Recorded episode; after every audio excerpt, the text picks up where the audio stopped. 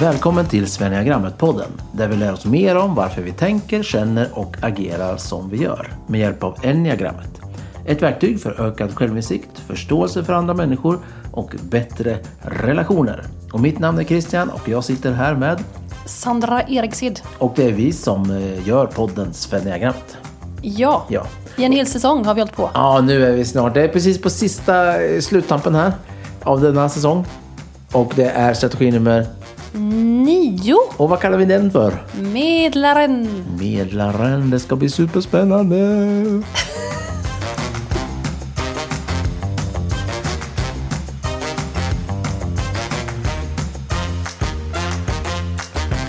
Yes, medlaren. Och det är ju lite extra spännande och intressant för mig eftersom jag då tänker att jag använder mig av denna strategin i mitt liv. Ehm, så det blir lite, lite personligt, kanske lite mer personligt idag och eh, lite stories från mitt liv. Men Sandra, kan inte du börja bara med någon lite så här saklig och opersonlig introduktion av nian? Niorna känns igen på sin strävan efter harmoni till varje pris. Eh, och nior har en omedveten illusion om att total frid och lugn är möjlig. Och det är alltid eftersträvansvärt. Ehm, Och de undviker all form av konflikt och splittring då. Nior är ofta lugna och accepterande och vänliga och eh, icke-dömande. Men en liten baksida av det är att de ofta glömmer bort sig själva och sina behov och sina ambitioner. Ehm, de är väldigt lätt för att vara i nuet. Eh, ofta kreativa, positiva, stödjande människor. Känner du igen dig själv i detta? Eh, Alltså jag känner igen allt det här positiva du säger. Känner jag mig precis allt. Nej, jag, det kommer komma alla olika stories om det här. Men, eh, men jag känner igen mig på mycket av det du säger. Ja. En liten eh, nackdel finns ju även här då. Man kan faktiskt bli lite tokig på nior för att de kan vara så envisa och skjuta på saker och vara ganska så otydliga i sin kommunikation. Och så står de där själva och bara förstår inte varför andra är frustrerade på dem för de har inte gjort någonting. Bara, Nej, exakt! Ni har inte gjort någonting! Jag, hör vad du säger. Jag hör vad du säger. Not speaking from my own experience men jag har vänner som lever nära nior och de Ja, jag känner mig redan träffad. Jag, jag har ju jättemånga nya vänner i mitt liv. Kanske, kanske 75 procent av min närmaste vänkrets är nior. Så jag är väldigt soft på den här sidan. Eller säga. Jag tycker väldigt mycket om nior. Eh, ni är väldigt hjälpsamma på ett mer rent sätt än vad två år kan vara. Det är liksom, ni, ni pekar ju inte alls tillbaka till er själva utan ni är liksom snälla utan baktanke. Det gillar jag med. Ja, men, och det, vi, det finns ju en hel del baksidor på det, men, men det du beskriver är ju Eh, alltså en, en strategi som söker harmoni mycket. Där man då försöker undvika konflikter till nästan varje pris. Då. Och, och dessvärre då för nior så blir ju det priset ofta en själv. Eh, så niorna sätter ju sin, sig själv och sina behov sist. Och det kommer vi nog återkomma till strax. Här. Men, eh, men eh, allt det här positiva du säger, det håller jag verkligen med om. Vi är ju ganska eh, trevliga att vara omkring tror jag. Ni är väldigt behagliga och Ja, milda. Liksom. Ja men så liksom. Och vi försöker ofta jämka då ifall det finns lite i ett rum, eh, lite, mm, eh, vad ska man säga, att det är lite spänt. Då försöker vi gå in och lösa det helt enkelt. Mm. Eh, Så vi, är- vi är en bra strategi att ha i en grupp. För de kommer söka harmonin där. Mm, precis. Jag tror en annan anledning varför jag som tvåa trivs så bra med nior är att både tvåor och nior är ju bra på att ta hand om alla andra. Mm. Men niorna, ni tar ju också hand om oss då. Alltså vi, oss Ja, just det. Ja, precis. Ja. Och så, hos er får man bara slappna av och vila sådär. Ja. Ehm, det, det, ja.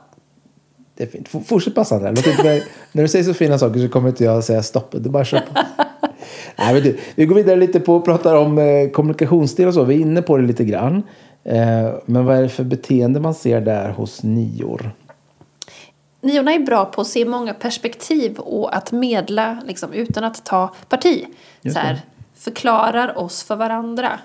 Det jag tror att Sandra försöker säga här är...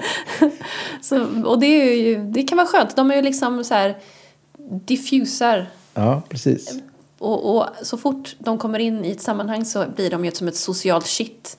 Eh, och, och väldigt, ja, alltså, ja, men väldigt härliga och mjuka och, och trygga. Liksom. Eh, man kan också bli konfliktundvikande och söka försoning för fort. Ja, just det. Och just det här att man då försöker också, man kan gå in och rätta till någons ord, precis som du gjorde där. Att ja, men det jag tror han försöker säga är det här.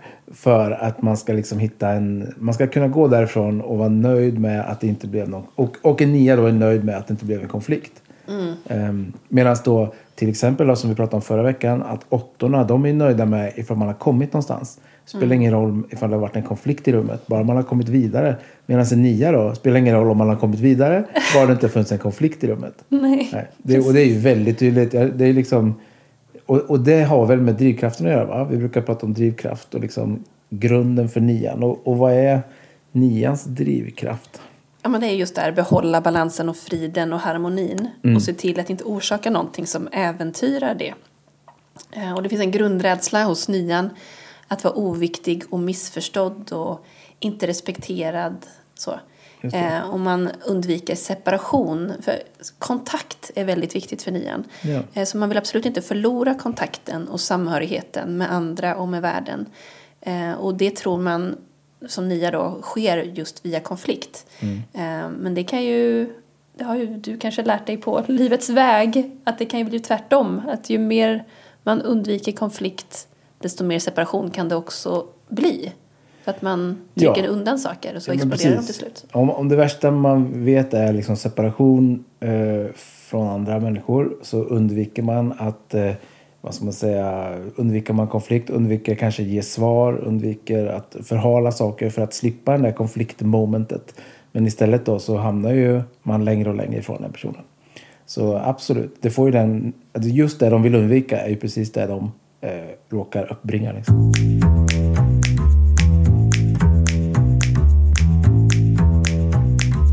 En inre lögn som nian lever med att det inte är okej att stå upp för sig själv och att ha en egen åsikt.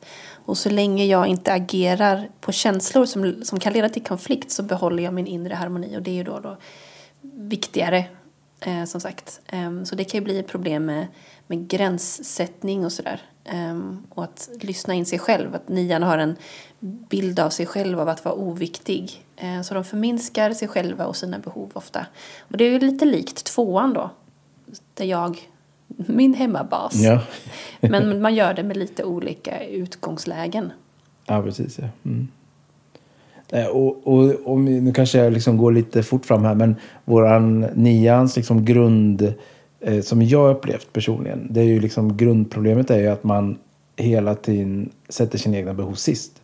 Eh, och jag tror, och det gör ju till slut att man liksom att man suddas ut. Ens identitet blir ju väldigt svag eftersom jag aldrig tidigare då har hävdat mig själv eller sagt att mitt behov är det här och nu gör jag det. Även om det får negativa konsekvenser för någon runt omkring. Jag, har inga, jag kan säga mina behov ifall det inte påverkar någon annan. Men direkt när någon annan då på något sätt liksom tar skada eller besväras av, av beslut jag har tagit så väljer jag att inte ta det beslutet då. Så har det varit tidigare. Det. Ehm, och då, man suddas ju ut lite som eh, människa och en, man har svårt att lyssna till den där inre rösten om vad man egentligen vill. Alltså tar jag det här beslutet för att jag vill det eller tar jag det för att den här andra personen kommer bli glad eller för att mätta dens behov? Ja. Det kan ju bli lite så vanilj. Mm. Kan bli. Ja, Kan bli. kan bli. Jag håller ju inte med då. Du tycker om vanilj? ja. Men, och jag tycker det är lite sorgligt det här med självbilden av att jag är obetydlig och så här, m- mina känslor och mina åsikter spelar ingen roll. Eh, för de niorna jag känner, you included, ni är ju, ni har ju så mycket att komma med. Så ni, ni är så färgstarka liksom. Ja. Under ytan. ja, men tackar, tackar. Eh, alltså ni har, det, ni har den bästa kombinationen av att vara väldigt eh, liksom, skön på, på utåt liksom. Men har jättemycket som är så här, det är lite som att lära känna nior är lite som att gå på skattjakt. Man hittar en Ja. massa spännande saker som man först inte såg. Ja. Ehm, men nians självbild är ju lite det här liksom, "Nej, men jag är beige liksom. Ja. Ehm, och då får man så påminna er om att så är det ju inte. Nej, och, och nu, nu drar jag bara en massa exempel här ur mitt liv. Vi kanske lite liv mer- passera revy. Ja, typ så. Vi kanske hittar lite stringens i, här, i det här avsnittet så småningom. men det kommer senare. Nej, men jag, och jag tänker nu om jag, tänk, jag jobbar ju idag som författare och brandman. Eh, och då som författare då, då är det ju egenföretagare och man liksom måste promota sig själv och man ska liksom Eh, komma ut med sina böcker och sina texter och, och eh, presentera för förlag och sådär. Och det är ju mitt absolut sämsta, eller det kommer inte naturligt i alla fall. Utan det är ju helt enkelt att jag måste eh, verkligen stålsätta mig för att säga ja men det jag har gjort är bra. Det jag har skriver idag är värt att eh, läsa, är värt att skicka in till ett förlag. Och att man, det är ju inte så att jag tar ett beslut där för två år sedan när jag började med det här att det är så. Utan det här beslutet måste jag ta tio gånger om dagen. att det här är liksom, ja, men nu sitter jag och skriver här och jag sitter ju själv och skriver. Jag har inte någon att bolla med så. Så att det är ju hela tiden det här att ja, men jag vet, jag vet, i, jag har lärt mig att det här är bra och eh, det här funkar och förlaget kommer gilla det här och människor som läser sen kommer gilla det. Men när jag väl sitter där, då är det ju bara ett stort eh, självtvivel. Liksom. Så, Ah, ja. Fatta vilken resa du har gjort för att komma till den Ja, här nej, punkten. men man, man får ju lära sig det liksom. Eh, Och, eh, men det kommer liksom inte naturligt alls hos mig. Nej. Nej, jag... Men du berättar lite, hoppas någon några sköna kändisar som eh, nian kan eh, jämföras med. Ja, men då känns det väl ganska bra att höra typ Barack Obama Oh, och Jens Stoltenberg och ja, Dalai Lama. Lite härliga people att underbara vara i människor. samma grupp som. Ja, precis. Ehm, jag har lite svårt att hitta kvinnliga exempel som jag tyckte var bra nog. Ehm, men har du sett The Crown? Alltså, ja, Queen Elizabeth den andra. Ja. Jag var lite inne på att hon kanske var en etta. Men i alla andra enneagramsammanhang hävdar att hon är nia. Hon Ja. var ju väldigt så här, jag ska inte ta... Eh, alltså jag tänker, hon, hon, hon ville ju inte ta något beslut som kunde störa. Eller så här. Jag tolkade det också lite som att hon ville göra rätt. Så här, i, Ja. liksom. Men ehm, det kan vara en nia med en etta-vinge. ja, men så kanske är. För att hon har ju ganska starka åsikter och vågar ju ta vissa obekväma beslut också. Då. Ja, precis. Alicia Keys, Oh. hör man det på musiken? Att det är lite Ja, det är fint. harmoniskt? Ja, harmoniskt och enande på något sätt. Ja. Some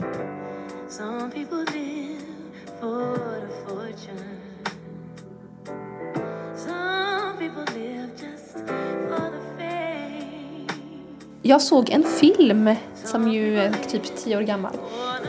The Secret Life of Walter Mitty Okej. med Ben Stiller. Han är även regissör på den. Eh, och där har vi en eh, fin nia, tänker jag. Han, eh, det blir nästan som en liten eh, för veckans spaning här. Men ni får stå ut med det. Ja. Jag vet att ni gillar det. Du, du vill berätta lite om den här Walter Mitty? Jag tänkte berätta Shoot, shoot. Ja. Nej, men han är ganska passiv, har inte så stark initiativkraft. Och n- han har ett tydligt tema av att han dagdrömmer. Och det är ju något som faktiskt nior ägnar sig en hel del åt. Hur ser det ut för dig? Ja, alltså jag, det, jag kan inte säga att jag gör det så. Däremot ifall dagdrömmar innebär prokrastinerar. Ja. Då, då, Då är du med. då känner jag mig bekant med det. Ja, den här, han har väldigt livliga dagdrömmar då. Ja, mm. Annars hade det inte blivit en bra film. Nej, just han, när folk är taskiga mot honom, han har någon chef som typ mobbar honom och han, eh, han bara låter det passera. Men i hans huvud så står ju han och typ bankar på honom. Ja, ja. Eller ja, säger någon väldigt bra och dräpande eh, kommentar. Eh, länder då? Vi gillar ju länder. Ja, länder. Sånt. Hoppas du har något bra här nu då. Ja, jag tror det. Indien. Oh, ja. Jag tänker Nirvana. ja, precis. Hitta liksom friden och lugnet och harmonin. Och... Det sägs att de är väldigt, alltså de, det är ganska mycket kaos omkring. Men de är väldigt tålmodiga typ. När de väntar på ett, en buss Ja, ett det. tåg som aldrig någonsin kommer. Ja, just det. jag har inte varit i Indien, har du varit där? Nej, Jag, har faktiskt inte det. Men sen kan man väl säga, är inte de lite kända också för att de, alltså att det är lite otydligt. Alltså man vet inte när bussen kommer. Man vet inte när tåget kommer. Eh, och också hur man kommunicerar. Ja. Att det är lite sådär.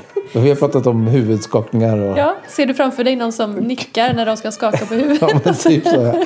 Och lite, ger lite otydliga besked. Det kanske är uppenbart för dem, men Nej, inte ja, för oss exakt. omkring. Ja, det känns så bekant. Ja, Ja, men jag tänker även Kanada. Så här, tolerant, vänligt, vacker natur. Ja, mm. ja, men jag tar Indien och Kanada. Det är ut, Ja. utmärkt. Men jag är också intresserad av vilka djur du Ja. påstår att strategin... Inte lika charmigt. Nej, inte ja, men då går vi hur du vidare känner. Då går vi vidare till något annat. Jag är ju från Bohuslän, sa hon med göteborgska. Jag är ju från Hur Bohuslän. man nu säger. Mm. Jag är från Bohuslän. Jag har mycket maneter i mitt liv, i min uppväxt. Åh, maneter. Ja. Ehm, flyter runt i havet, lite genomskinliga oformliga. Så du genomskinliga, oformliga. Ja, men jag skäms att säga det här. Förlåt. Men jag tänker se det så här positivt. Ja. Eller ja, hur man nu ska se det. Men jag tänker, det handlar mer om deras självbild då. Mm. Jag är ingen särskild. Inte, jag menar jag, inte att jag ser nior som maneter. Nej, jag förstår. Jag förstår. Jag vet inte vad jag känner och jag vill. Jag, jag fluffar runt här. Ja, jag flyter med lite. Jag flyter med lite. Ja, Ja. men precis. Dit vinden för mig. Eller vågen. Ja. Kanske det är havet. Ja, men jag förstår. vad- Jag hör vad du säger och jag förstår vad du säger. Sengångare. De är ju charmiga, men, men har kanske lite ocharmiga drag också. Jag vet inte. Men väldigt charmiga Isotropolis i alla fall. Den roligaste scenen i hela filmen. Ja, just På det. post, eh, posten. Och jag antar att det har något att göra med liksom att, att nior ofta har ett annat tempo, lite långsammare. Ja. Det händer inte lika mycket lika fort. Nej, Nej. fint att du tolkar in det här. Ja. Ehm, ja. Och, och, och jag pratade med Nia faktiskt senast i morse som ville skicka med lite exempel här. Eh, och han menade att det är väldigt svårt för nior att fatta beslut. Alltså på tal om det här att sengångare gör saker långsamt. Ja. Ehm, och, eller det, jag vet inte, kanske inte har med långsamhet att göra. Men man kan känna sig väldigt överväldigad av att behöva ta beslut som nia. Och, så här, och vill göra någonting som blir bra för alla. Så vart ska vi gå och äta på lunchen kan bli en väldigt stor fråga. För tänk om jag säger någonting så blir det jobbigt för den andra. Liksom. Ja, mm. Ehm, och allt det här med tanke på att inte rubba harmonin. Men på insidan så kan man veta ganska tydligt och i sin yrkesroll så kanske man är helt på det klara och kan peka med hela handen. För då är man på något sätt i en roll, men Ja. då är man inte sig själv. Nej, och det är ju... Jag jobbar också som brandman här och det är ju ganska tydligt att där måste vi ta ganska snabba och livsavgörande beslut. Och där kan vi inte vi stå och fundera på, är det någon som... Hur blir det här då? Utan liksom, vi måste ta ganska snabba och viktiga beslut. Så att det är men det är en helt annan grej när man är i den rollen och dessutom har någon slags uniform på sig. Ja, precis. En, en, en tanke för oss omkring nior kan ju vara att vi inte ska pressa fram ett svar utan låta er få, det kanske inte funkar i räddningstjänstesammanhang då, men jag menar i alla andra situationer. Ja. Ehm, att ge er tid att tänka. Alltså ni kommer att ge ett svar om vi pressar er. Men om vi ger er mer tid så kommer det faktiskt ha ett svar som är grundat i er själva.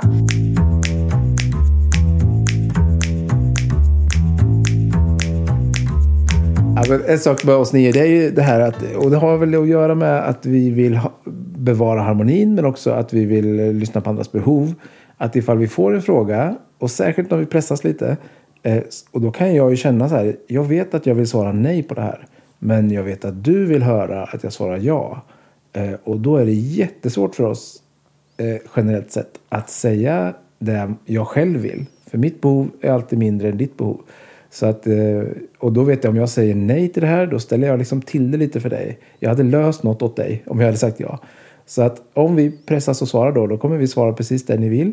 Men sen så kommer vi gå därifrån och, och ha en liten klump i magen och känna det där vart inte bra. Ja, vi har tufft har vi. Ja, men verkligen. Jag tycker det låter otroligt jobbigt. Ja. Ehm, och att det är liksom, om du har sagt ja då, känner du, hur känner du då? Gör du, lever du upp till det du har sagt ja till? Nej, Men jag gör ju det med, det beror lite på vad det handlar om. Men jag gör ju inte det liksom eh, med glädje och eh, till 120 procent. Utan eh, då blir det, men jag försöker få det avklarat på något sätt. Men, eh, men, eh, men, men, men problemet är att jag liksom inte har någon Tidigare har det varit så att jag har liksom ingen utväg att säga det jag själv vill. Det, det finns, in- det fanns inte på kartan liksom. Och det kan ju vara så även i speciella situationer om man, jag har någon gång träffat en, en samtals, alltså typ en terapeut och då, då vill jag ju svara det som jag tror hon vill höra. Det blir ju helt skevt. Liksom. Jag har förstått att det inte är helt ovanligt, men just att man, att man liksom försöker anpassa sig själv. Hon frågar ju mig för att hon vill veta vad jag tycker. Men jag sitter och bara processar och kämpar med att tänka, vad är det hon vill höra nu? Vad vill hon? Och när jag ska, då tänker jag så här, när vi går härifrån, från det här samtalet, då vill jag att hon ska känna att det här var ett bra samtal. Ja. Inte att jag har blivit hjälpt eller att vi har sett mina behov eller att jag har kommit vidare på något sätt. Utan hon ska känna när hon äter lunch senare idag att det här var ett bra och fint samtal. ja. Och jag som tvåa ville ju ha blivit kompis. Ja, just det. Precis. Kände hon sig sen nu? Ja, det är roligt. Vi har olika baksidor av våra strategier. Inte alls praktiskt när det är just i den situationen. Mycket eh, ja, negativt. Och det är därför till Betala exempel... tusen kronor i timmen för att den här personen ska känna sig Nej, sedd. exakt. exakt. Den, People please. nej, ja, men det, det hamnar ju där. Liksom.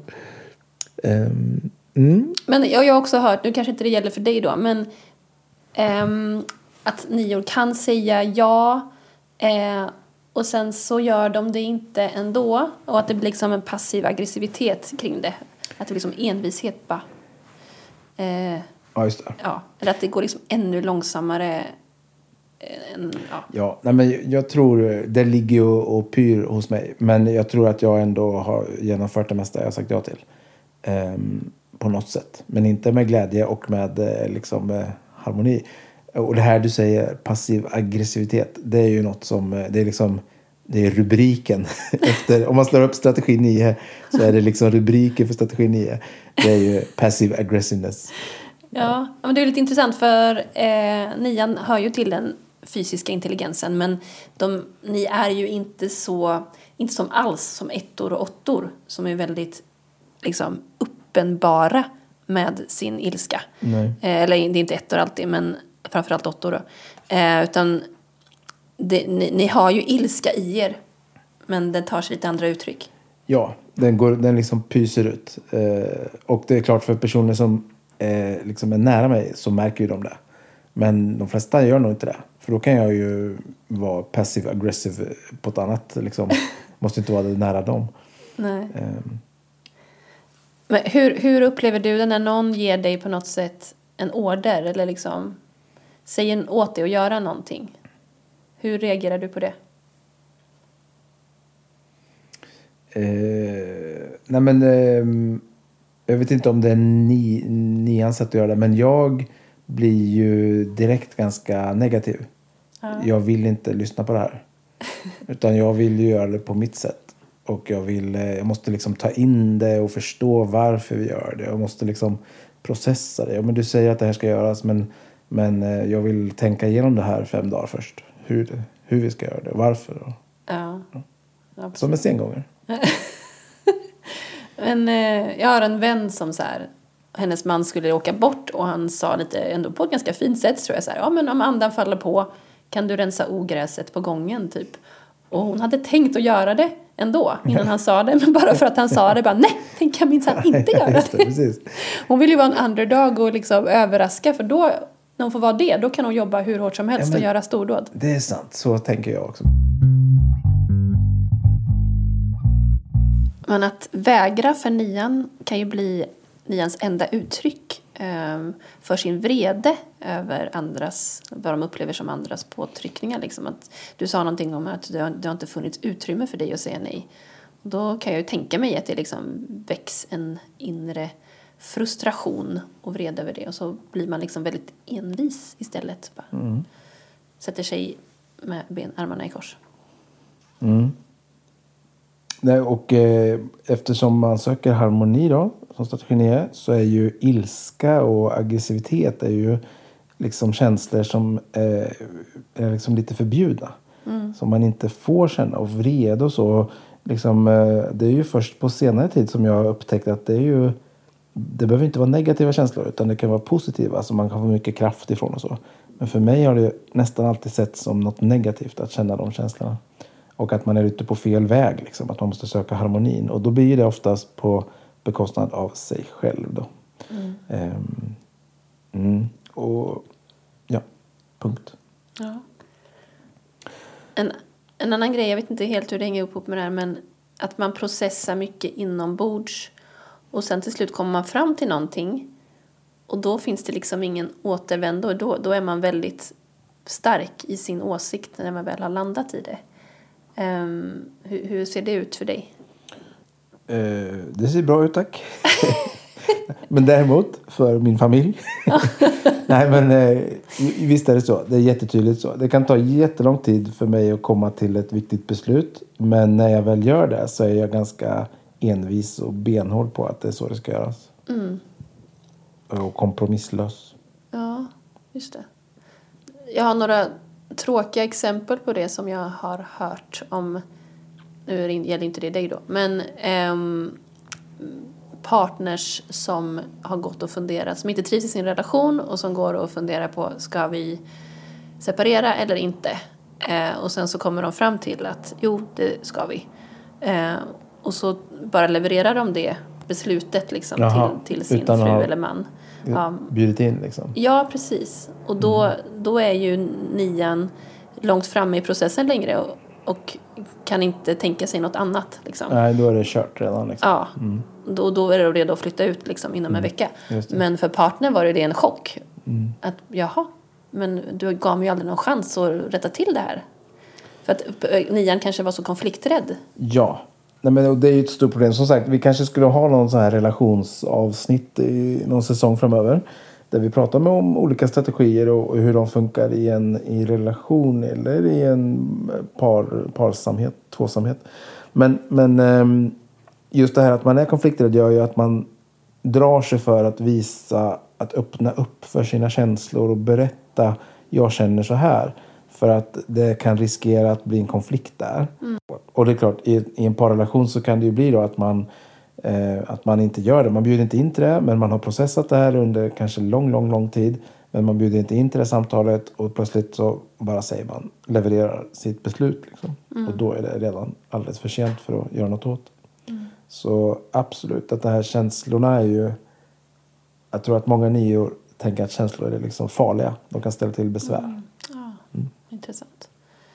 Jag tänker även, ehm, det är många som är på datingappar och sådär och som blir ghostade och för att den personen som eh, inte längre ville vara i eh, en relation inte längre ville dejta tycker det är lättare att bara så här, sluta svara.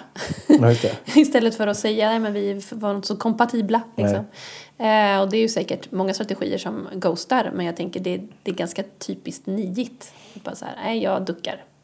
Vi ses aldrig mer. Ja, alltså på ett sätt är det där. Nu, har jag varit väldigt aktiv på datingappar. Faktiskt aldrig.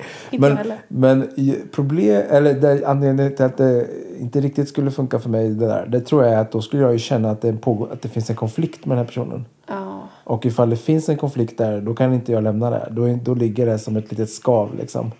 Eh, och det är ju någonting som är väldigt tufft för nio år. Att veta att det finns en konflikt som man kanske inte kan lösa heller då.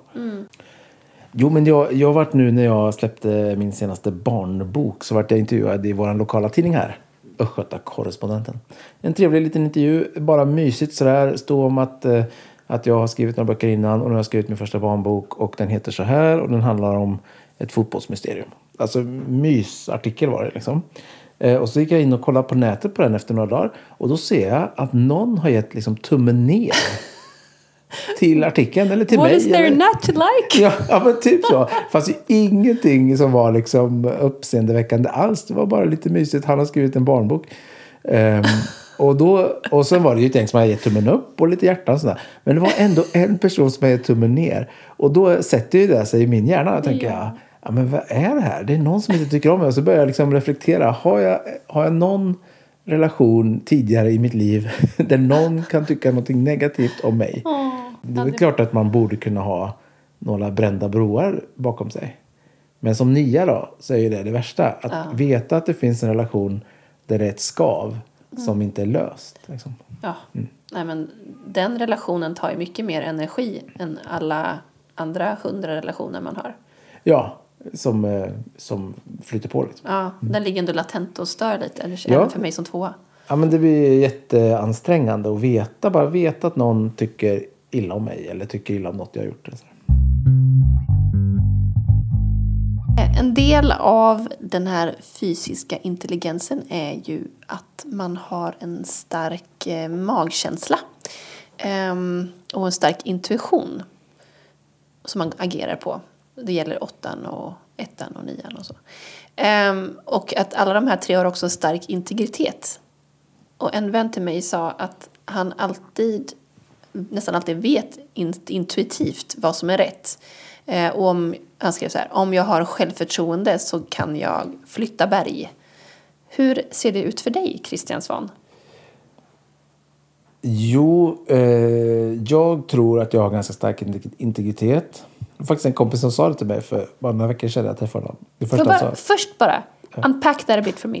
Jag berättar inte vad som helst om mig. jag, jag, jag, om jag skulle höra att någon säger att de har stark integritet, då skulle jag nog tänka att det är personer som eh, går sin egen väg, som kanske lyssnar på andra men som tar egna beslut sådär. Och det stämmer ju inte riktigt då med det vi har beskrivit än så länge om nian då. Utan det är kanske att man lyssnar väldigt mycket på andra och man kanske till och med väljer val i livet för att anpassa sig efter andra. Men när jag säger att jag har stark integritet då tänker jag mer kring att jag eh, är liksom lite, eh, vad ska man säga, mm, eh, svår att komma nära. Svår att lära känna på det där lite djupare planet. Att jag är lite eh, försiktig med vad jag delar med olika personer. Typ så tror jag. Ja. Nian är ju avvaktande. Eller liksom i den avvaktande gruppen tillsammans med fyra och fem också. Ja. Kanske hänger ihop med det. Ja, men säkert. Eh, Och det kan också vara att man är lite så här att man av, att man prokrastinerar, den här sengångaren, man är inte så snabb till beslut och då vill man inte heller vara snabb till att bara fläcka ut sig för andra utan man vill välja när man är det. Hur tar det sig? Alltså är du, vad är det du är rädd för? Liksom, typ åtta kanske har stark integritet för att inte vill visa sig sårbar, vill, inte, vill skydda sig. Liksom. Och ettan vill ju vara, här, en annan variant av integritet är ju att mm, jag vill, jag vill vara genomgående, eller vad ska säga. Ettan vill ju vara god och vill göra rätt och vill kunna vara som konsekvent, eller vad man ska säga. Ehm, och min fråga är lite flummig nu då, men vad, vad är skälet till din integritet? Jag, tror, jag vet inte om ni generellt sett eh, är som jag i den här aspekten. Men jag är ju inte det. Utan jag håller nog mina liksom, innersta känslor mer för mig själv och för några nära. Men jag tror ändå att grundtanken till det är ju att det finns en risk för konflikt. Alltså om jag, om jag berättar exakt vad jag tycker om olika saker som kanske inte alltid är så genomtänkt. Det kan ju vara bara något man känner. Då finns det risk för att man jag vet inte, sårar människor eller att man eh, säger något som inte eh, skapar harmoni utan som skapar konflikt. Jag tror att det kan vara en anledning till det. Men där får ju ni nio där ute som lyssnar höra av er till oss. För det här är ju spännande. Man brukar också säga om nior att de inte är så snabba, inte så självreflekterade. Ja, men och- kom igen. Lägg av nu Sandra. Och du tyckte att du såg det i mitt svar. Att det kan ta tid att veta vad man faktiskt vill, hur man känner. Så frågar jag Ja. några niovänner så här, Ja. men vad, vad tänker du, vad känner du då? Nej men jag, vet- helt ärligt, jag vet inte. Nej. Nej, men så är det ju. Nej, men vi vet inte.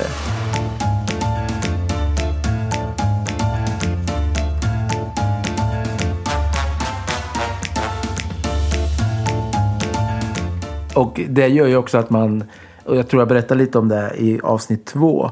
Där jag berätt, nej, ett var det, förlåt. Avsnitt ett där jag berättade lite om hur jag kom i kontakt med diagrammet. Då är just det här att jag kände känslan av att saker bara hamnat i mitt knä. I mitt liv liksom. Att jag har inte tagit besluten. Att nu ska jag medvetet eh, studera till det här. Eller nu ska jag söka sådana här jobb. Eller nu vill jag bli det här om fem år. Utan saker har bara hamnat i mitt knä. Folk, någon har sagt, liksom, gått förbi mig och sagt hej, du skulle ju passa som det här. Ska du? Ja, Okej då, säger jag. Så hoppar jag på en utbildning som är fyra år. Eh, Och sen, ja men du ska inte testa det här? Det vore ju kul att se dig i den här rollen. Jaha, ja, ja okej. Och så hoppar jag på det jobbet i fem år. Alltså sådär. Och, och det är ju klart att det var lite uppvaknande nu på senare år när jag upptäckte att jag faktiskt kan ta beslut själv. Och att jag inte behöver bara hamna i olika situationer och platser. Utan att eh, man får hitta den där inre egna viljan. Liksom. Vad vill jag faktiskt? Ja, och, och precis. precis som du sa, det är många, jag har inte tänkt att jag har den. Ja, det vet jag inte. Jag kan inte svara på det. Tidigare Nej. Nej. Nej, men det är lätt för nian att bli lite så här, se sig som ett offer för omständigheter och ett offer för andras agenda. Ja. Eh, och det sägs vara lite den största skillnaden mellan tvåor och nior. Att ni inte tar lika mycket initiativ som tvåorna gör. Nej. Ehm, det var också så här roliga grejer jag såg på sociala medier. Att, det, var någon, det var ett skämt då, men typ jag vinkade på en vän, eh, en taxibil stannade. Jag ville inte typ göra taxichauffören ledsen så jag hoppade in. Han frågade vill du åka till flygplatsen? Jag sa ja. Och nu är jag på den och startar ett nytt liv. Ja, just det. Exakt. Det läste jag med faktiskt. Det var jättemånga nior som hörde av sig till mig och som hade så här, tipsade mig om det. Bara, det här, det här så hade kunnat vara jag. Ja, precis. Ja, men det är ju väldigt roligt. Så har jag, jag har inte åkt till Polen, men väldigt liknande saker har hänt mig också. Där någon har liksom trott att jag ville någonting och så har jag sagt ja men då är det väl det jag gör då nu. Ja. Ja. Eh, och åka till Polen det är en grej, men att liksom hoppa på en femårsutbildning det är också, ja, sånt kan man också göra. Ja. Det, men det är många, som, många faktiskt som är runt 40 som vaknar upp av nio år och bara vänta lite nu, nu har halva livet gått här. Vad ville jag egentligen? Ja, och det är väl liksom, eh, ja, jag, vissa kallar det för en slags medelålderskris. Men för, det är ju, för mig är det mycket större än så. jag tycker att det låter för litet. Eh, nedlåtande för jag tänker det är en Ja. väldigt viktig och stor process. ja, ja, men lite så. Jag kände att det var lite, det var att tappa lite på huvudet på någon. Ja, men det är bara någon slags medelåldersgrej. Kris liksom, du går igenom det och omvärderar ditt liv. Men det här är ju mycket större än så. Och det är ju roligt med den här eh, podden här nu att eh, jag har ganska många män i 40-årsåldern som hör, hör av sig till mig. Eh, det är liksom eh, ja, men ett ganska stort gäng som hör av sig och säger att det här måste vi prata vidare om. För det här är liksom träffande på många sätt. Ja, för mig med. Och jag, många av dem är nior just som hör av sig till mig. Eh, och jag har också hört att, jag kanske har sagt det i någon annan poddavsnitt, men ettor och nior är ofta de som har, jag vet inte hur man ska säga, men har mest nytta av att lära sig enneagrammet kanske. Okej, ja. Eh, Alltså som kan leda till utveckling. Ja, det kan det väl för alla. Men Ja. ettor är ofta väldigt hårda mot sig själva. Eh, och nior har ofta tappat bort sig själva på vägen och så här, kan behöva se, att, se sitt mönster. Mm. Så att de tar itu med sin egen önskan innan det är för sent. Ja. N- Något som är väldigt vanligt också för nior det är ju det här man kallar för eh, merging. Yeah. Ja. Alltså när man smälter ihop då med någon annans vilja eller någon annan eh, persons vilja och drivkraft. Ja, de, det här, vi pratade i början om att nior är lite beige. Har den bilden av sig Ja. själva som beige. Jag har ett starkt minne av att du sa det. Förlåt. Men det är det är liksom lite att man har en, om man säger det som en metafor. Jag är en neutral färg och ska smälter ihop med andras nyanser. Om jag är med någon som är väldigt blå och jag är nia, då blir jag också blå. En nia vän till mig sa att hon ser sig, nu är vi inne på konstmetaforer här, hon, hon ser sig själv som ramen, men det är inte hon som är innehållet. Hon liksom ser till att Ja. hon skapar utrymme för andra att skina. Ja, det Tänker väl... så Walter Mitty han var ju också så här. Mm, har inte du sett den? Nej, nej, men du, ja. Han var liksom stjärnan bakom stjärnan men han, han försökte aldrig själv få ljuset på sig. Just det. Ja, men det är fin, alltså det är en talande bild där. Eh, Att, eh, att man är ramen som ger andra eh, förutsättningar för att göra sitt där liksom. Um, och, det, och det är ju liksom, det, i mycket så är det väldigt vackert och positivt. Men, men baksidan blir att man inte lever sitt eget liv utan man, man blir den andres färg och den andras målning. Eh, men man, inte, man, man tar inte det egna beslutet. Ja, och en annan lite sådär eh, intressant sak som är om nian är ju, och jag, och jag såg ett jätteroligt klipp, det finns, ja, i, ni har ju förstått att det gäller Seinfeld nu, och eh, George i Seinfeld eh, framförallt. Det finns ett jättekul klipp där han Eh, han har något, han är liksom ledig från, eller han har fått sparken från jobbet tror jag. Men sen har han ett möte klockan två på eftermiddagen eller något sånt där. Och då så säger han, då går han och beklagar sig över hur mycket det förstör hans dag. Att han har ett halvtimmes möte där klockan två. Han hinner inte göra någonting före, han hinner inte göra någonting efter. Hela dagen är förstörd för det där halvtimmesmötet. Och det känner jag igen mig i. Just det här att man inte har någon, ibland kan man säga att ni inte har någon startmotor. Alltså man, ehm, man kommer liksom inte igång så lätt. När man väl kommer igång, då, då kan man få bra fart. Men att liksom starta upp är svårt. Liksom. Ja, Visst är det så Sandra? Eh, Ja, så är, så är det. Eh, ja, precis. När man väl har kommit igång då kan man puttra på hur länge som helst. Typ. Men ibland kan man behöva andra människor och liksom låna från deras energi lite. Eh, och det kan ju också vara att man i osund form söker upp stimulanter utifrån. Alltså det kan ju bli typ droger eller någonting. Eh, jag hörde en man som sa att han tror att ganska många eh, som sitter i fängelse av, av just drogskäl är nior. Jaha. För att man behöver liksom någon slags eh, substans för att kicka igång. Ja, ja Okej. man söker sig till beroenden. Ja, precis. För att man själv inte har det i sig. Men en del i det här är också att, det, att ni är ofta väldigt svårt att ta beslut, vilket vi har pratat lite grann om. Men jag tänker också att det är ju för att man väger in så väldigt många alternativ. Eh, Så nu mina senaste, min senaste vecka här nu har varit liksom varje, att väga in, ja, jag tror att jag kanske väger in 30-40 olika alternativ. Vad är det viktigaste att göra just nu idag liksom? Och sen blir det där att man väger de där 40 alternativen mot varandra. Bara det tar ju två timmar liksom. De har inte ens börjat. Så det där, är, det där är ett problem. Det kanske är många som har problem med. Men, men just det här att man inte man har inte så lätt att bara rulla igång. Liksom, utan man måste överväga allt. Och då har det ju ofta med andras behov att göra också. Vem har störst behov av att jag gör det här nu? Eh, varför måste jag prioritera det här? Men det lustiga är ju att ni ser hela tiden så lugna ut utåt sett. Alltså ni typ bara går omkring och ler.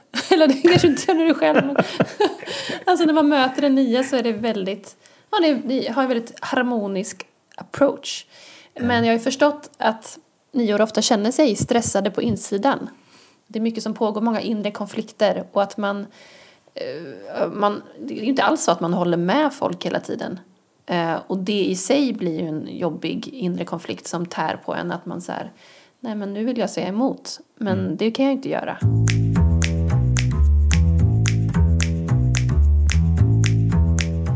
Ja, men en, en sak är väl det här att man är konfliktundvikande och eh, vi har varit inne på det lite det här med att man i ett rum då bara söker harmoni men också att man kanske offrar sina egna behov för att slippa en konflikt.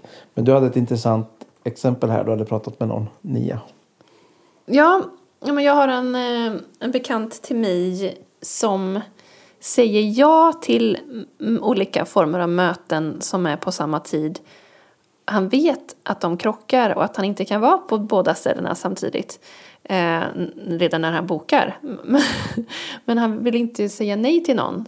Eh, och han Ja. vill ju göra alla nöjda. Ja. Så det slutar med att någon av dem blir besviken. Och det blir ju kontraproduktivt. Det blir ju kanske mer disharmoni än om nian hade sagt nej från början. Men eh, den här nian tänker ju liksom, ja men det har säkert löst sig till dess, det är så långt kvar. Alltså jag tycker det låter så otroligt jobbigt, det är sånt jag drömmer mardrömmar om. Ja, precis. det var, jag såg nyligen är Välkommen Mrs Doubtfire med, Ja. ja, den är från typ 90-talet. Eh, det är en otroligt plågsam scen där när hon ska vara, eller hon eller han, Ja, hen. är, hen är på restaurang och har ett jätteviktigt jobbmöte i ena rummet och i andra Ja, rummet så ska hon, hen vara utklädd och springer däremellan. Och jag, alltså jag drömmer mardrömmar om det. Så, så stressigt. Ja. Och så är det lite för den här vännen då. Ja, precis. Ja, och det är det som då biter den eh, i baken efter då. Man har försökt undvika konflikt men det blir bara en värre konflikt senare. Ja, precis. Det, det är någonting med, eh, på engelska så kallas nian för the peacemaker. Eh, men det är oftast snarare så att nian är the peacekeeper. Och det är lite skillnad på det. Ja. Peacekeeper är ju mer den här konfliktundvikande. Eh, som vill bara ja, gjuta, vad är det man säger? Gjuta olja på vågorna. Ja.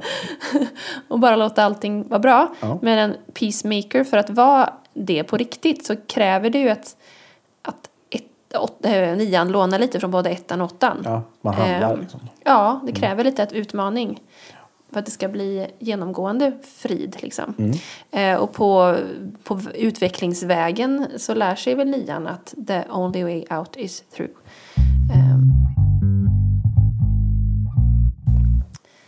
Eh, Jag har en, den här brasilianska svågern som jag nämnde i avsnitt sju.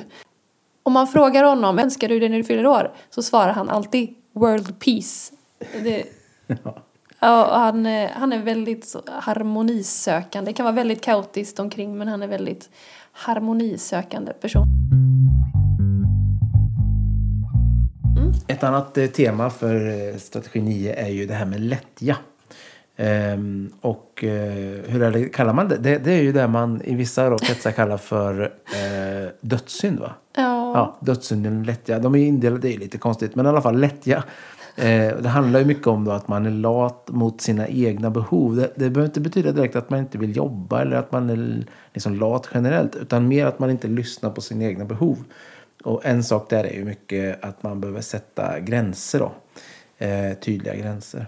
Eh, och det är lätt att man fastnar i det gamla liksom. Och jag kan ju känna igen mig det att jag har ju sett eh, liksom Seinfeld-serien eh, tio gånger hela den. Men jag har lite svårt att ta mig an en ny film som kommer ut. Eh, eller så. Att jag, kan, jag ser gärna en Netflix-serie jag redan har sett fem gånger. Ser jag gärna en sjätte gång.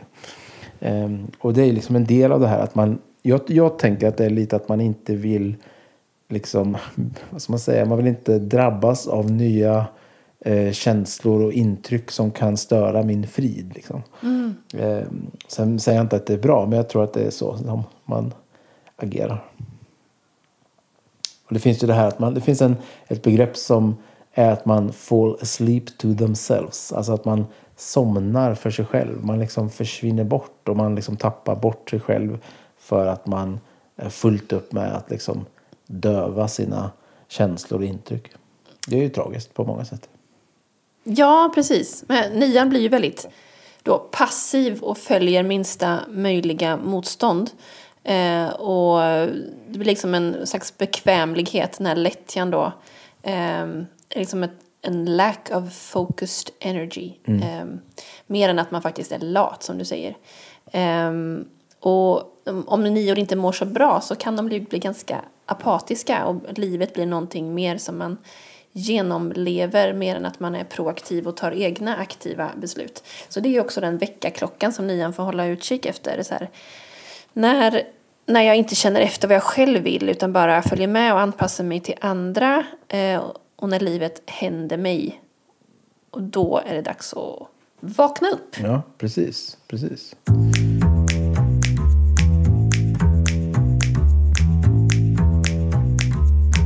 Och ska vi kika lite på vilka försvarsmekanismer då, som en strategi 9 håller på med? Vad säger du? Har du några förslag? Vi nämnde ju nyss det här lite med att eh, man bedövar sig. Med, och då kan ju vara, det kan ju vara liksom Netflix-serier, saker som är bekanta som inte utmanar en. Liksom. Mm. En slags avtrubbning. Det finns ett engelskt uttryck som heter narcotization. Vad skönt att du sa det för jag tyckte det var jättesvårt Ja, att det uttala. är ganska svårt. Men det är väl egentligen att man liksom distraherar sig med någonting annat eh, för att slippa möta, eh, vad ska vi säga, för att slippa möta verkligheten.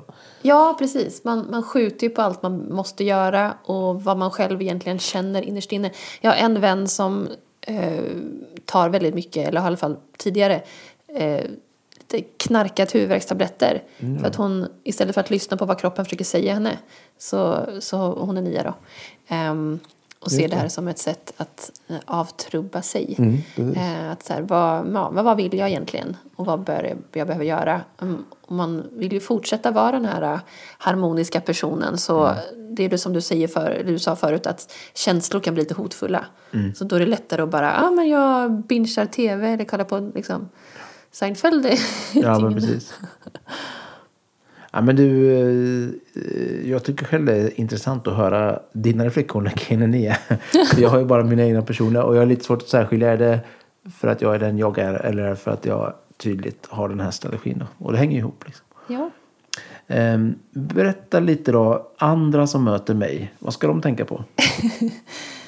Ehm, men jag tänker att de kan hjälpa dig och övriga nior att få tid att processa. Många nior säger att tid är deras bästa kärleksspråk. Sådär. Ehm, för nior är ju inte supersnabba i sina reflektioner. Ehm, och om de känner sig stressade så blir det ju väldigt jobbigt. Ehm, och de har ju otroligt bra tankar bara man låter dem få gro färdigt. Ja, ja. Blomma ut. De är så enormt kloka. Eh, en annan grej där vi pratar om att man inte ska ge nior order hur som helst. Så om du vill att en nia ska göra någonting kan du formulera om det så att det istället blir som ett slags förslag som nian får ta ställning till. Låter lite manipulerande här men Ja, ja. jag tänker det bara smart egentligen. Ehm, Men det är lite mer inbjudande, liksom, att man lägger över det lite på ett annat sätt än så här ska vi göra. Ja, Ja. precis. Eh, jag, jag är vän med nia och hon gör det så fint tillbaka till mig. Så här. Hon frågar någonting och sen så skriver hon alltid i slutet Jag älskar ditt ja lika mycket som ett nej. Det är fint. Det är jättefint. Man öppnar väldigt tydligt dörren liksom. Ja, verkligen. Så det är ju aldrig svårt att bara nej men det funkar inte idag. Så känner man ingen som helst så här, dåligt samvete Nej. för det. Det. Så vi kan låna nians egen idé där. Eller formulering. Ja. Ja. Men, eh, och även en annan viktig grej där med nian, att även om de själva förminskar sin roll så tycker de ju att det är väldigt jobbigt när de inte känner sig räknade med eller överkörda. Ehm, Så att vara viktig, eller vara noga med att inte till exempel avbryta dem när de pratar eh, och vara inte alltför pushig. Så. Ehm, Och ge dem, ge dem space. Och påminn dem om deras värde i gruppen för det är inte alltid att niorna ser det själva. Just det. Så man kan hjälpa nian att ta reda på vad de verkligen vill och ja, försöka vaska fram deras åsikter och tankar och känslor och sådär. Um, de sitter ju ofta på guld. Och det kan ju vara så om man är chef över en nia så kan de behöva tydliga arbetsbeskrivningar. Eh, för att veta vad som förväntas av dem ger dem ett, ett väldigt inre lugn. Så det är bra med en deadline och så tydliga delmål så att det blir lätt för dem att komma igång och vet när de också är färdiga.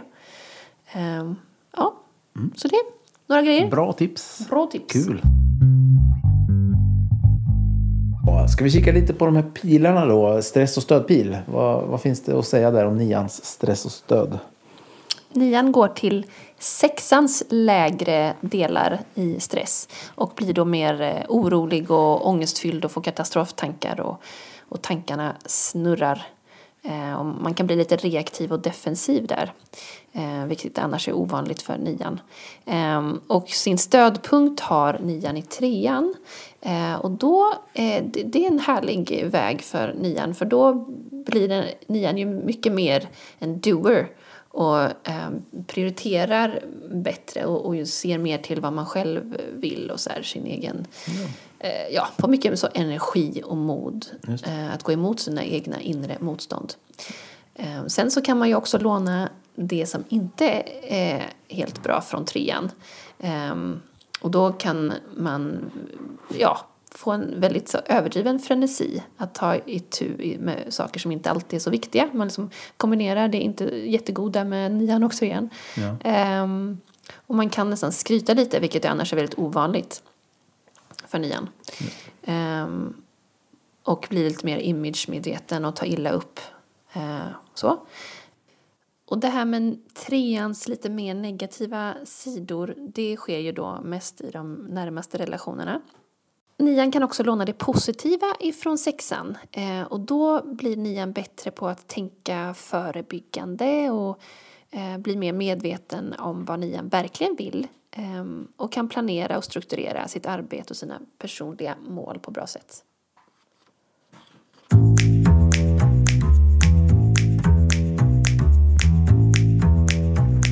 Men eh, nu känns det ju tokigt där. Vi tänker vi avsluta med att säga lite tack till alla nior där ute.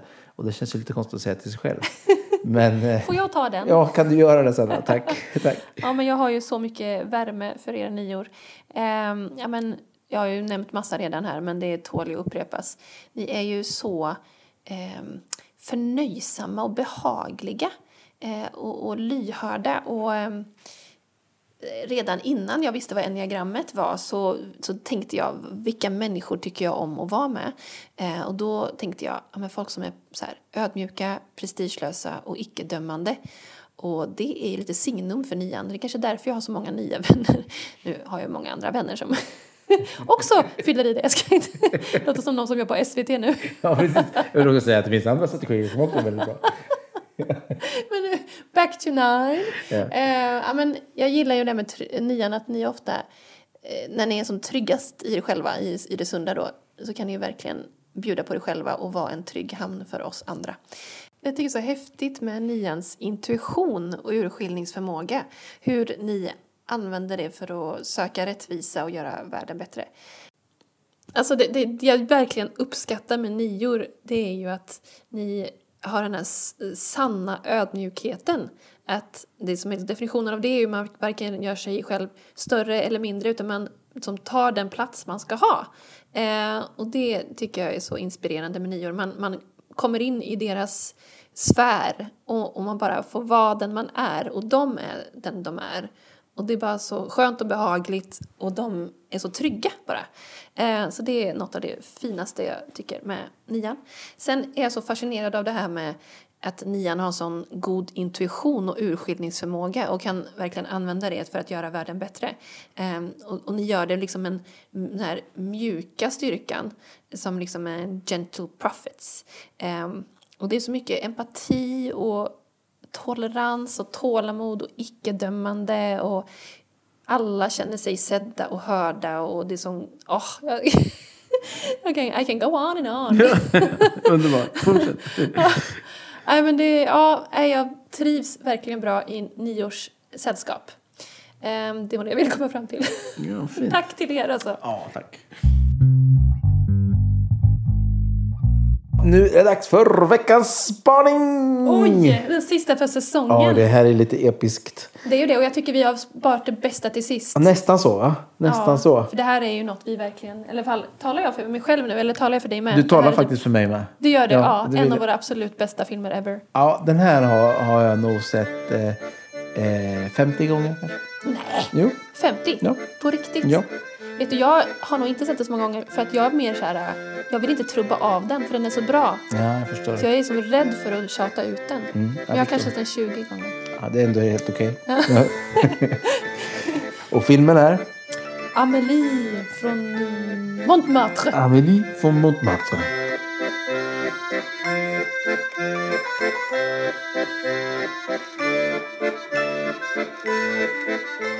Ehm, ja, det här är ju en riktig favoritfilm. Den utspelar sig i Paris. Den här unga kvinnan som jobbar som servitris eh, i liksom ett litet café sådär hittar uppe i sin lägenhet en bortglömd låda med leksaker. Eh, och så ser hon att det tillhör en ung pojke, de här leksakerna, som nu har blivit en gammal man. Och hon eh, letar rätt på den här mannen och ser till att han får den här. Och eh, det liksom skapar någon slags revolution i hennes liv när hon ser vilken glädje och lycka det varit för den här mannen att få tillbaka den här lådan. Så nu vill hon liksom ägna resten av sitt liv, eller framöver, framtiden, med att göra människor glada. Ja.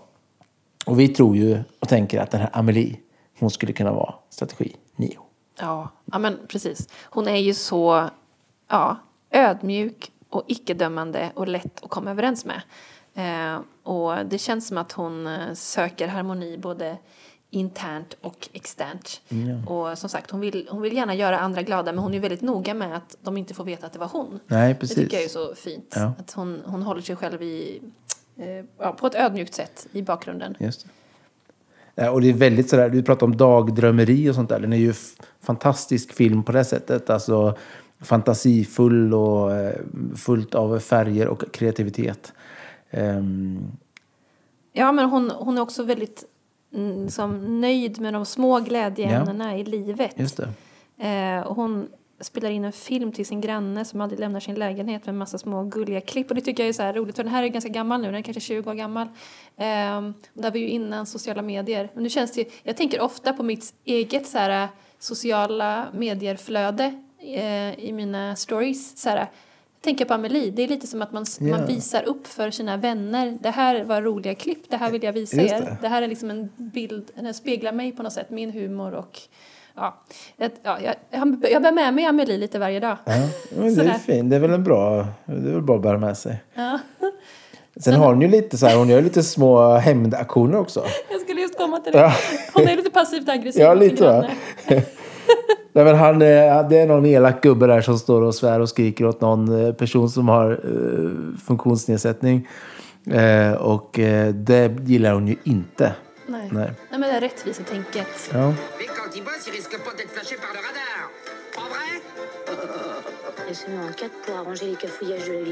Hon bryter sig in hos honom, eller hon stjäl hans nyckel på något sätt. Eh, och, ja, och går in och gör saker, så här, häller salt i hans eh, alkohol eller vad det är. Eh, byter ut tandkrämen mot fotkräm och byter plats på handtagen och ställer om klockan och sådär. Så nästa dag så blir ju han helt så här perplex vad det som händer och allting är bara ah! helt kaos. Just. Ja, men det är en fantastisk film. Om det är någon där som inte har sett den, och det, i och för sig, det kan nog vara rätt många om man inte är född på 80-talet. Men, eh, men eh, hur som helst så eh, det är en fantastisk film. Amelie från Montmartre. Se den och fundera på, är det här strategi 9? Ja, och lyssna in musiken. Ja. Alltså jag, jag tröttnar aldrig. Den här eh, themesången, den hade vi som eh, ingångsmarsch när vi gifte Åh, oss. nej, är det sant? Den hör vi nu i bakgrunden. Hör du. Ungefär så. alltså den här, eh, eh, vad heter det? Du, du, du. Nej. Vi klipper det här och sen så lyssnar vi på den i bakgrunden. Även om du vill sjunga, jag vet. Du har väckt något.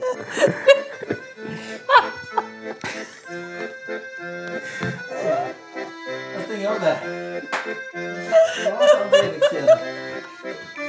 Let's get. ett skratt.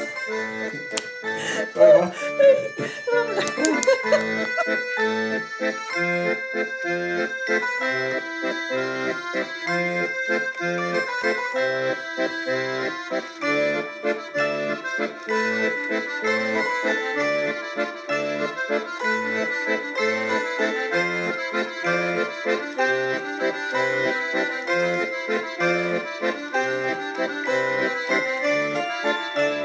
Thank you.